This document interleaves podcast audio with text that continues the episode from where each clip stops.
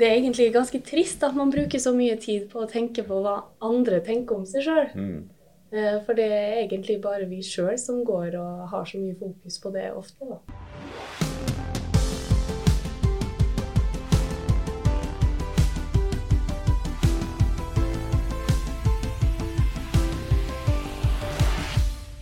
Mange kjenner på et stort ønske om å oppnå drømmekroppen, idealkroppen eller sommerkroppen. Mange kjenner òg på følelsen av å kjenne seg mindre enn andre, ikke like godt trent, ikke like synlig sterk, ikke like tynn.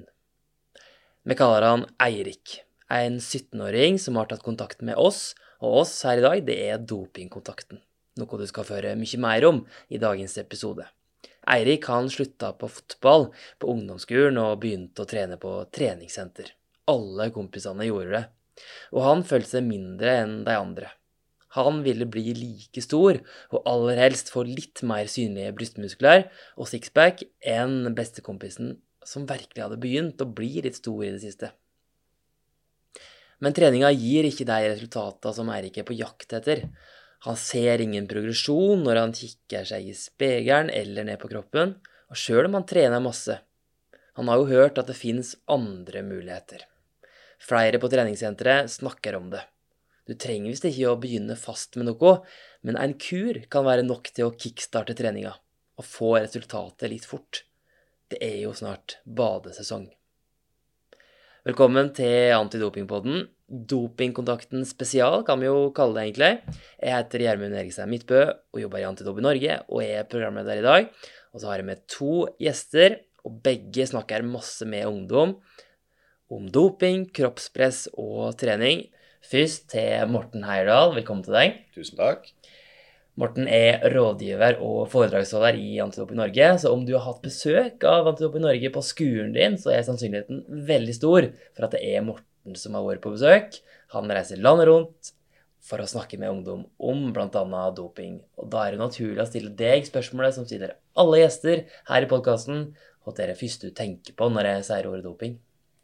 Det er jo litt spesielt å få det spørsmålet, for det er jo det jeg ofte åpner eh, alle mine foredrag med selv til ungdommene.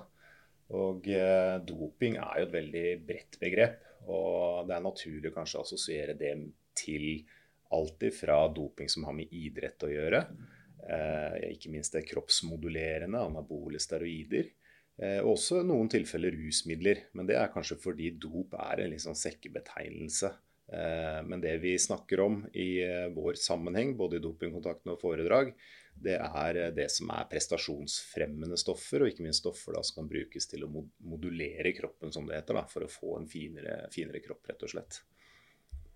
Og Morten, du har jo som alle andre kanskje vært en ung og usikker gutt tilbake i tida. Og du er jo åpen om i bl.a. foredragene dine at du har en bakgrunn som dopingbruker. Det skal vi høre litt mer om seinere i podkasten, men det, det, har jo Det påvirker jo det dine tanker om doping, vet du?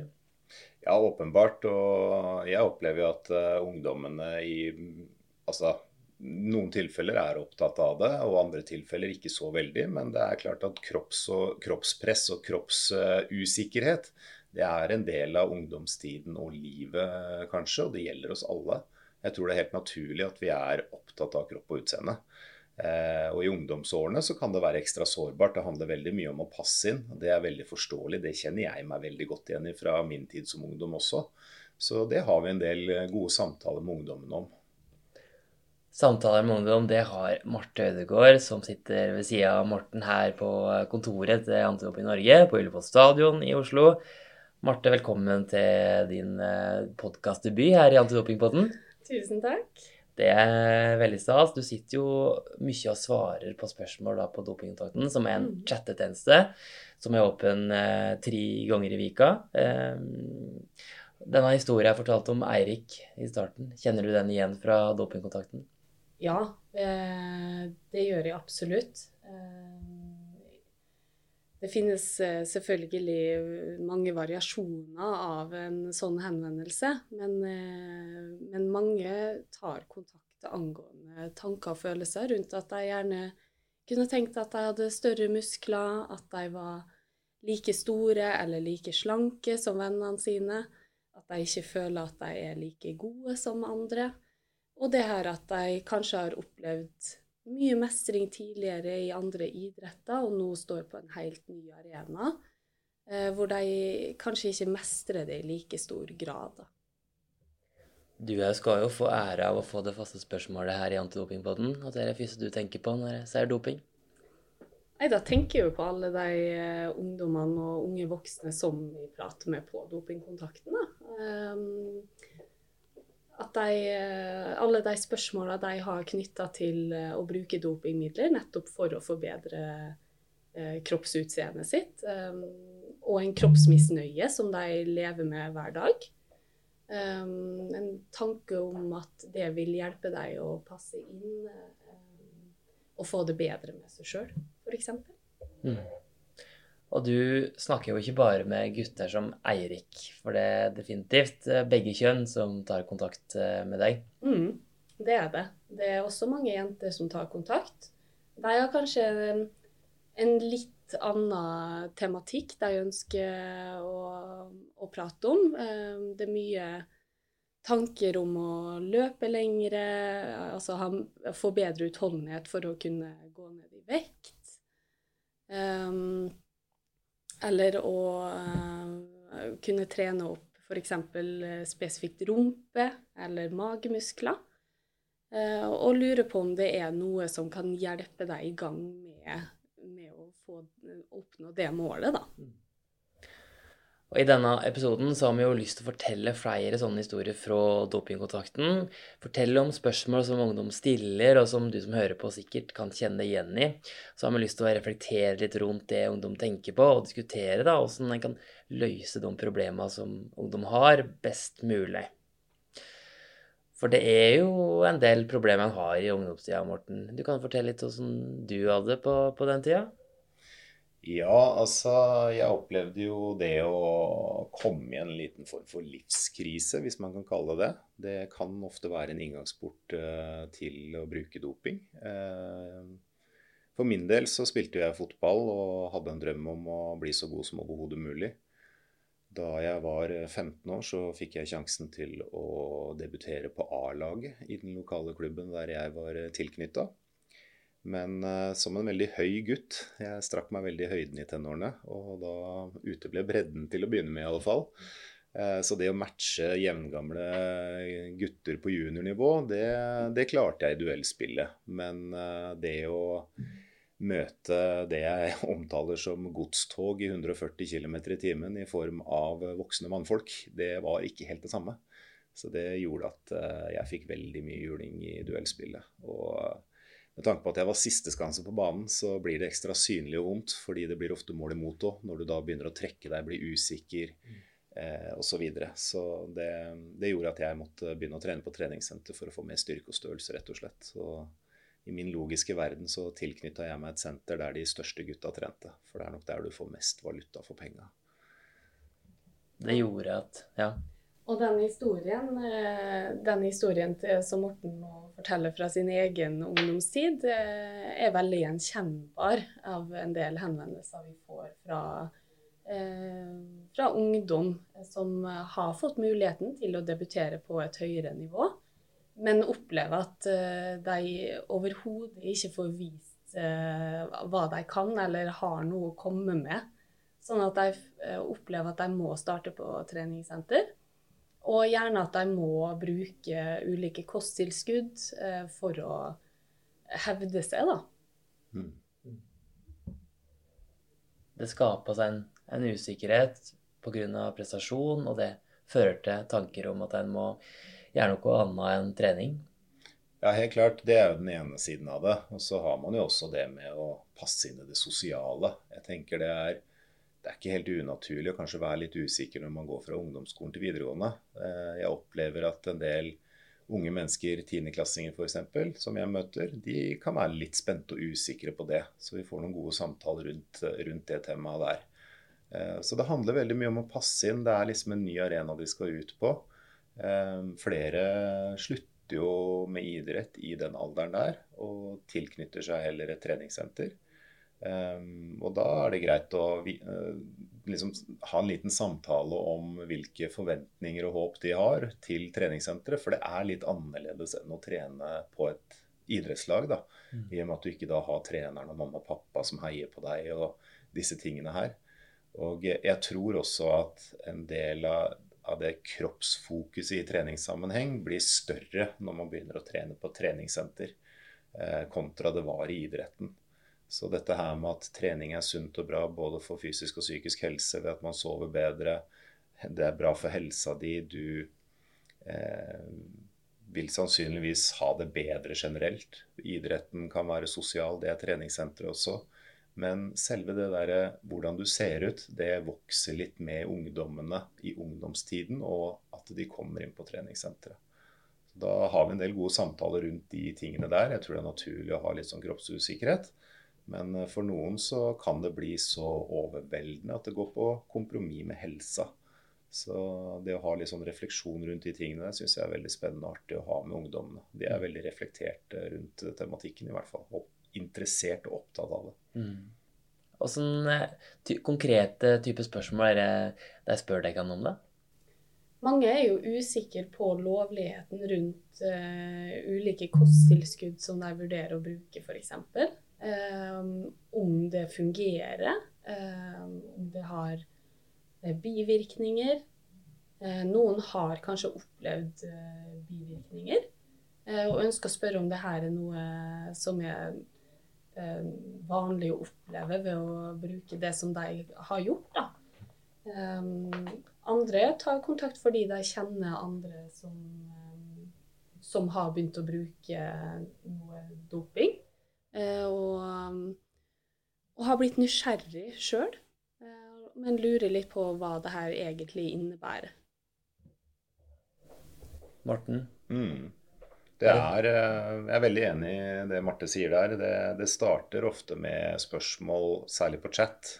Så får vi spørsmål om lovligheten av preparatene, om de er lov å innføre til landet. Det er en stor usikkerhet rundt blant veldig mange ungdommer. Um, og det, jeg tenker at um, det, det, virker som at noen av de uh, ungdommene har lest seg veldig mye opp om tematikken. Uh, og det som er veldig fint da, er at de, de, er veldig reflekterte og viser seg som veldig kildekritiske ved at de tar kontakt med oss og ønsker å vite mer om lovligheten, og også diskutere da uh, litt rundt den informasjonen de sitter inne med av disse forskjellige stoffene. Og det kan være ting som turkestrone eller sarmer som, som kommer som spørsmål. Da. Og det finnes mye informasjon der ute, og det er jo ikke alltid lett i, i dagens samfunn å vite helt hvilken informasjon du skal stole på eller ikke. Eh, hvilke kilder er troverdige. Eh, og, så det vi ofte gjør, er at vi sjekker opp flere kilder sammen. Vi vurderer seriøsiteten av de ulike kildene. Og så reflekterer vi litt rundt validitet, validiteten av den informasjonen. Da. Mm.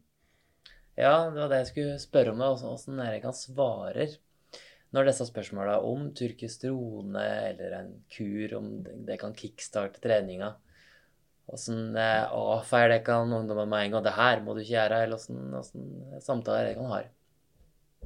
Nei, på ingen måte. Jeg opplever nok at det her eh, naturlig å, å, søke informasjon om ting som kan være lovlig, og som kan være bra, og som kan fungere. Mm. Det tror jeg vi alle ønsker oss.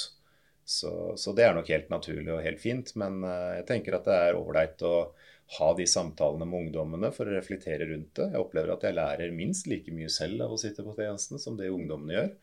Og uh, vi dømmer ingen. Det, det har, vi, uh, har, vi, ikke som som uh, samtalestrategi i det hele tatt. Uh, jeg tenker at uh, noen ungdommer er kanskje mer opptatt av å få svar på lovligheten, og det er det. Og det er greit. Hvis det kun er det du ønsker å snakke med oss om, så er det greit. Mm. Men vi setter jo samtidig veldig pris på de samtalene som da kanskje går litt mer på selve stoffene, hvorfor man ønsker å ta de, eh, hvordan de opplever treningen osv. Og, så og for noen så kan det være godt å få spara litt med oss for å få da litt alternativer til disse stoffene også, for å nå målene sine. da. For de finnes. Eh, det er ikke sikkert man alltid trenger ting utenfra for å prestere godt på trening. Mm. Um, og jeg opplever litt at uh, det kan være fint å kanskje klappe seg selv litt mer på skulderen over de treningsresultatene man faktisk får, enn det å tillegge det alle kosttilskuddene man eventuelt har. da. For det er faktisk den jobben du legger ned, den kunnskapen om trening som du har, og den jobben du legger ned av det, som faktisk gir de beste treningsresultatene i lengden. Eh, og så kan enkelte kosttilskudd ha en liten virkning også. Man skal ikke avfeie det. Men eh, det å investere da enda mer tid i seg selv, gi seg selv kredibilitet, eller gi seg selv kred for at eh, jeg har nådd disse målene eh, pga. arbeidet jeg har lagt ned, ikke nødvendigvis pga. kosttilskuddene jeg har tatt, det er ofte fine refleksjoner å ha med ungdommene. Mm. Men Eirik her da, fra, fra innledninga, han føler ikke at han får noe resultat fra den treninga og den innsatsen han legger igjen på treningssenteret. da. Hvordan svarer dere han? han? Der forsøker vi jo å utforske litt sammen med han eh, hva det er som gjør at han ikke opplever resultater. Altså, er det reelt, det at han ikke får resultater? Eh, løfter han mer nå enn han gjorde da han starta? Eller har han sett seg blind på egen eh, utvikling, f.eks.? Det er jo veldig fort gjort når man er ny, kanskje ikke følger et fast program eller eh, sammenligner seg sjøl mot andre, kontra å sammenligne seg sjøl opp mot hvordan man var for åtte uker siden. Eh, så da bare prater vi med, eh, med ungdommen om det, rett og slett. Eh, og får de til å reflektere sjøl, for de sitter jo med, med svarene på det her. Det er jo ikke vi som sitter med svaret på hva som er riktig i deres situasjon. Og det som er fint òg, er at jeg har hatt mange gode samtaler med ungdommer hvor vi har undersøkt litt hvilke mulighetsrom som ligger der for å nå målet sitt. Fordi de spør jo kanskje konkret om da dette kosttilskuddet eller dette stoffet. Fordi de har et mål i andre enden de ønsker å nå.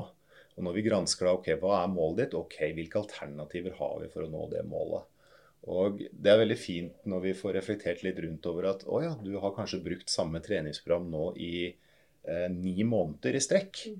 Eh, og Da gransker vi litt treningsprinsippene, hva som skal til for å oppnå gode treningsresultater. Og Det å legge om på treningen da, har vi fått tilbakemeldinger på senere har hjulpet veldig i forhold til treningsframgang. Så kunnskap om trening, det å søke god kunnskap om trening og treningsprinsippene ikke minst, kan hjelpe deg ganske mye på vei. For jeg tror at trening som tema og kunnskap om trening er noe som er vanskelig å bli helt utlært på. Eh, det fins mange måter å trene på, men det viktigste her er å ha et definert mål og ha en god plan for treningen. Og da også periodisere og variere. Eh, jeg tror man lett kan eh, bli litt sånn, og det kan jeg merke sjøl også, at jeg oftere tar de øvelsene jeg liker best sjøl, og utfordrer meg for lite. Så de gode samtalene rundt det hvor vi får tilbakemeldinger på at vet du hva, det, det alternativet du, eh, som vi diskuterte, det valgte jeg å gi en sjanse, og det fungerte godt for meg. Men Samtidig skal man ikke avfeie kosttilskudd heller, det er jo ikke det. Men eh, det er veldig fint å se litt på de andre mulighetene også sammen. Og så er det vel veldig individuelt og hvor fort en kan få resultater. Åssen kropp en har, om en er en type som bygger muskler fort, eller om en kanskje er en mer utholden type som ikke har like godt anlegg for å bygge muskler? Ja, det her handler jo mye om genetikk, og det er veldig kjedelig for mange, men det er dessverre sånn det er. Eh, det er vi kan ikke overstyre genetikken vår. Men da har en kanskje andre fordeler enn akkurat det å bygge muskler? Absolutt. Litt tilbake til de historiene, da, Morten. Da du kom deg opp på A-laget der, hva i Forsvaret ville være en sterk bauta som stoppa angrepsspillerne fra å skåre mål, og du var på treningssenteret der. Begynte litt usikkerhet og ville bli større. Hva var det som skjedde videre da? Nei, det, Jeg var i utgangspunktet kritisk til bruk av dopingmidler eh, på den tida der. Eh, men eh, jeg var jo i et miljø nå hvor det var veldig liberale holdninger til det. Eh, og det å være sammen med de gutta som var så ålreite, de tok meg jo mot med åpne armer. og viste meg hvordan jeg skulle trene for å få effekt osv. Men jeg hadde litt dårlig tid, da. Det var litt det som var greia. Jeg opplevde at jeg fikk en treningsframgang til å begynne med. Og det var fordi jeg var helt utrent i styrketrening fra før av, så det ga mye effekt eh, å trene i seg selv når man er utrent. Sånn er det jo. Men så stagnerte det litt, og det, kroppen ble litt metta på trening etter hvert. Og da begynte jeg å bli litt mer utålmodig, for jeg ville enda lenger. Og da litt sånn samtidig med den påvirkningen fra gutta på senteret osv., så, videre, så hadde jeg en litt sånn naiv holdning og tenkte at jeg skulle prøve det en gang. Eh, men eh, dessverre så ble det jo ikke til det. For min del så holdt jeg på da i ti år med bruken. Og det endte med ja, en del eh, relasjoner som gikk, gikk ad undas, rett og slett. Og mye annet som ikke var veldig heldig for min del. Mm. Når vi tar opp eh, denne podkasten her, så er det jo sommer i lufta. Det nærmer seg skikkelig badesesong. Da er det mange som eh, tar av seg på kroppen og kjenner kanskje litt usikkerhet rundt det, da. Jeg merker dere det på, på dopingkontakten, eh, Morten og Marte? Ja, altså sommeren er jo kanskje en, eh, en tid hvor man uh, tar av seg mer klær, sånn at det blir mer synlig. Man skal kanskje ut og bade med vennene sine og gå bare i badetøy. Så, så, det er klart, men tankene har man kanskje gjerne med seg hele, hele året. Men det blir kanskje litt mer synlig nå, for nå skal man kle av seg mer. Så det er klart at det er noen som har litt sånn bekymring, spørsmål knytta til det. Eh, og det tenker jeg er eh, helt naturlig at eh, man, man, tenker litt på. Og opplever nok at eh, når jeg snakker med ungdommene og kanskje spør tilbake da, ja, hva tenker du om andre sine kropper, så er det i noen tilfeller så legger de merke til det fordi de sammenligner med seg selv. Men det er oftere at de vurderer de andre for å sammenligne seg selv, enn det er for å vurdere om de er fine eller ikke, eller passer inn i kroppsidealet eller ikke. Ja. Og Det syns jeg er litt artig, at uh, de, de, dømmer jo ikke andre på det selv, men eh, dømmer seg selv veldig, da. Og eh. de vurderer seg sjøl eh, mer negativt, og andre mer positivt. sånn at de, når de sammenligner seg sjøl med andre, så sammenligner de ofte at den andre ser mye bedre ut. Så i stor grad så dømmer man jo ikke andre sine kropper eh, i dårlig forstand. Mm. Man eh, er mer eh, selvkritisk, da. Mm. Så eh, det, det, er egentlig ganske trist at man bruker så mye tid på å tenke på hva andre tenker om seg sjøl. Mm. Eh, for det er egentlig bare vi sjøl som går og har så mye fokus på det ofte, da. Mm. Ja. Og hvis en tenker på sine egne venner, da, så er jo ikke kroppen Hvis en skal ta, ta fram kompliment om sin egen venn, så er det jo ikke kroppen en drar fram da? Nei, det ser man jo i mange studier som er gjennomført også, at uh, når man skal beskrive sin beste venn, så nevner man jo gode egenskaper, ikke hvordan personen ser ut. Mm. Det, er jo, uh, det er jo egenskaper hos en venn vi velger deg ut ifra. At den er snill og omtenksom og er morsom. Mm. Ikke at den, at den, er den pene. Mm. Men det hjelper kanskje ikke en uh, usikker gutt som skal på badestranda i sommer. Åssen skal en løse sånne tanker og problem? Jeg tenker at det handler ikke bare om å løse de. Jeg tenker at her må man klare å uh, leve med de og jobbe med de, uh, tenker jeg. Man kan ikke bare løse det over natta.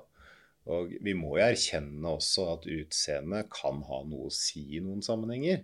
Eh, at man blir mer attraktiv for en potensiell partner, at man blir pop mer populær sånn sett. Det, det, er en greie vi må anerkjenne. Og det tror jeg ungdommene tenker på også. Når jeg snakker med gutta, så er de helt åpne på det at eh, de opplever at det blir mer populære hos jentene hvis de får trent opp kroppen sin litt. Så det er en naturlig del av livet. Eh, så, så det der må vi ha litt med oss. Men det jeg hadde en veldig interessant uh, greie med en skoleklasse jeg var og besøkte, hvor jeg spurte hva kroppspress er. Og Da svarte gutta at uh, det kan være positivt, for det kan være et mål. Og noe å strekke seg etter. Så det kan også være en positiv ting. og jeg er helt enig i det. Det kan være fint, så lenge det kanskje ikke går for langt. Mm. men det er jo min mening. Men allikevel, det var en jente som tok litt til motmæle der. Og hun sa det at eh, ja, eh, det er jo selvfølgelig fint med en flott gutt som har et bra utseende og ser fin ut, men samtidig så kunne hun oppleve at noen gutter som da eh, ble veldig opptatt av eget utseende, mistet en del av de andre gode egenskapene som Marte var inne på.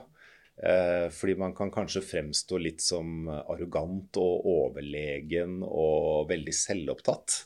Eh, og da ble man totalt sett mindre attraktiv, også utseendemessig. Eh, du kan godt se billedlig fin ut, men du er liksom litt mer, ja, du er litt mer uspiselig akkurat nå. Fordi du er så selvopptatt og står og flekser og holder på. Det, det var ikke veldig tiltalende ifølge henne. da. Så det handler om å finne en god balanse, tenker jeg. At hvis, hvis du blir så opptatt av kropp og utseende at det går utover andre egenskaper, så kan det være eh, at du totalt sett ender opp i, i, minus sånn attraktivt sett. da. Så Det kan være en god refleksjon å, å, ha med seg. Så Det var en interessant diskusjon vi hadde etterpå på akkurat det der. Jeg tipper det kan ha mange gode diskusjoner rundt på, på skolene når du tar opp dette temaet. Ja, det, vi har en, vi har en takknemlig tematikk å reise rundt med. Jeg opplever at dette her er ungdom eh, opptatt av og syns ja. er spennende og artig når vi snakker om alt ifra både altså dopingmidlene, ja, men særlig kanskje dette her med kropp, kroppspress, ungdomstid, identitet. Hva som eh. Ja, hva som forventes. Hvordan forventes det at vi skal se ut nå? Mm. Eh, og det er jo, har jo endra seg eh, ganske mye. Fra at uh, jenter bare skal være tynne, f.eks., til at de nå skal ha veldig definerte muskler. De skal være sterke, uh, men samtidig tynne. I tillegg så gjennomgår man jo puberteten, og en jenters kropp beveger seg jo egentlig bort fra nettopp det. Sånn at det blir veldig um, uoppnåelig, da. Noe som man må strebe etter å få til. Mm. Og Det er jo interessant det du er inne på der, for hvem er det som egentlig definerer hva som er et kroppsideal? Mm. Og er det et eget personlig valg av hva vi syns er attraktivt? Um, og det er jo det er spennende å se litt på hvordan det har vært opp gjennom tidene med ulike kroppsidealer. Uh, ta det som kanskje på en måte er stikk motsatt av hva det er i dag, kanskje. Som i hvert fall sosiale medier og medier kanskje prøver å fremme et bilde av. da. Eh, så kan man jo ta 1600-tallet som et eksempel. Da var jo frodige kvinner med eh, forholdsvis eh, hvit hud, som ikke var solbrun i hvert fall, var det mest attraktive. For det var jo tegn på status. Mm. Da hadde du råd til mat og smør på bordet og kunne være inne i et herskapelig hus. Og det er ikke det var i hvert fall ikke på den tida der noe som var for alle. Så det var, det var jo status. Og også da et kroppsideal. Så det hadde vært spennende om vi hadde dratt tilbake i en tidsmaskin med han, med han eller hun som eh, oppnår det kroppsidealet som media og sosiale medier har tegnet et bilde av i dag, tilbake til 1600-tallet. Og sett hvordan det ble tatt imot. Eh, jeg lurer på om han eller hun da kanskje hadde blitt ansett som en eh, fattig grøftegraver eller et eller annet i den duren. For det da, da, er du jo solbrun og muskuløs, ute og jobber hardt og får uh, utsatt for sola. Det, mm. det, var jo det stikk motsatte av hva som var attraktivt på den tiden. Så det er også litt spennende å reflektere over de tingene der, om det egentlig er våre egne valg, egentlig, det vi, det vi ser som attraktivt, og i hvor stor grad vi lar oss påvirke av media og sosiale medier. Og uh, en del ungdommer da uh, forteller meg at det var fint å høre. Nå kan vi finne ut litt her Eh, i forhold til det å, å, eksponere seg selv for disse kroppsidealene. Treningsprofiler, eh, youtubere, tiktokere som da eh, representerer det kroppsidealet i dag. Og hva, hvordan får det deg til å på en måte eh, endre litt ditt syn da, på hva som egentlig er viktig i livet, og ikke minst da hva som er attraktivt? Det er mange ting som eh, dere lyttere der ute kan reflektere over, da, håper jeg, etter denne episoden. Marte, har du noe noen, noe tanker, noen spørsmål om at jeg bør eh, sitte igjen og reflektere rundt, og det er det som er viktig for deg? Det jeg tenker er viktig, er at man kjenner godt etter hvorfor eh, man eh, tar de valgene man gjør. Om man gjør det for seg sjøl, eller om man gjør det for, fordi man tror at andre har forventninger til at de skal se ut eller være på en spesiell måte at de må trene x antall ganger i uka, eller om det holder med de gangene de faktisk ønsker å trene. om de har lyst til å spise det de har tenkt til, eller om det egentlig er noe annet de har lyst på. At de kjenner etter på hvilken side av vektskåla de egentlig er. da. Om de gjør det for seg sjøl, eller om de gjør det for andre, og de forventningene som de spesielt tror at andre har til dem. For ofte så er det jo kanskje ikke så realistisk som det man tror. da. Takk for veldig gode tanker. Håper dere kan sitte igjen med noen uh, muligheter til å reflektere litt rundt uh, tanker dere har der hjemme. Så er dopingkontakten åpen mandag 11-20, tirsdag 11-16 og torsdag 11-20. Og mail kan du sende hele vika. Men det er altså mulighet til å chatte og snakke med Morten og Marte og fagfolk som har god peiling på både doping og at ungdom strever med. Takk for at du hørte på Antidopingpodden. Jeg heter Gjermund Erikstein Midtbø, og det er bare å ta en kikk nedover i feeden til Antidopingpodden, så tipper jeg du finner noen tema som du syns er litt mer interessant enn andre.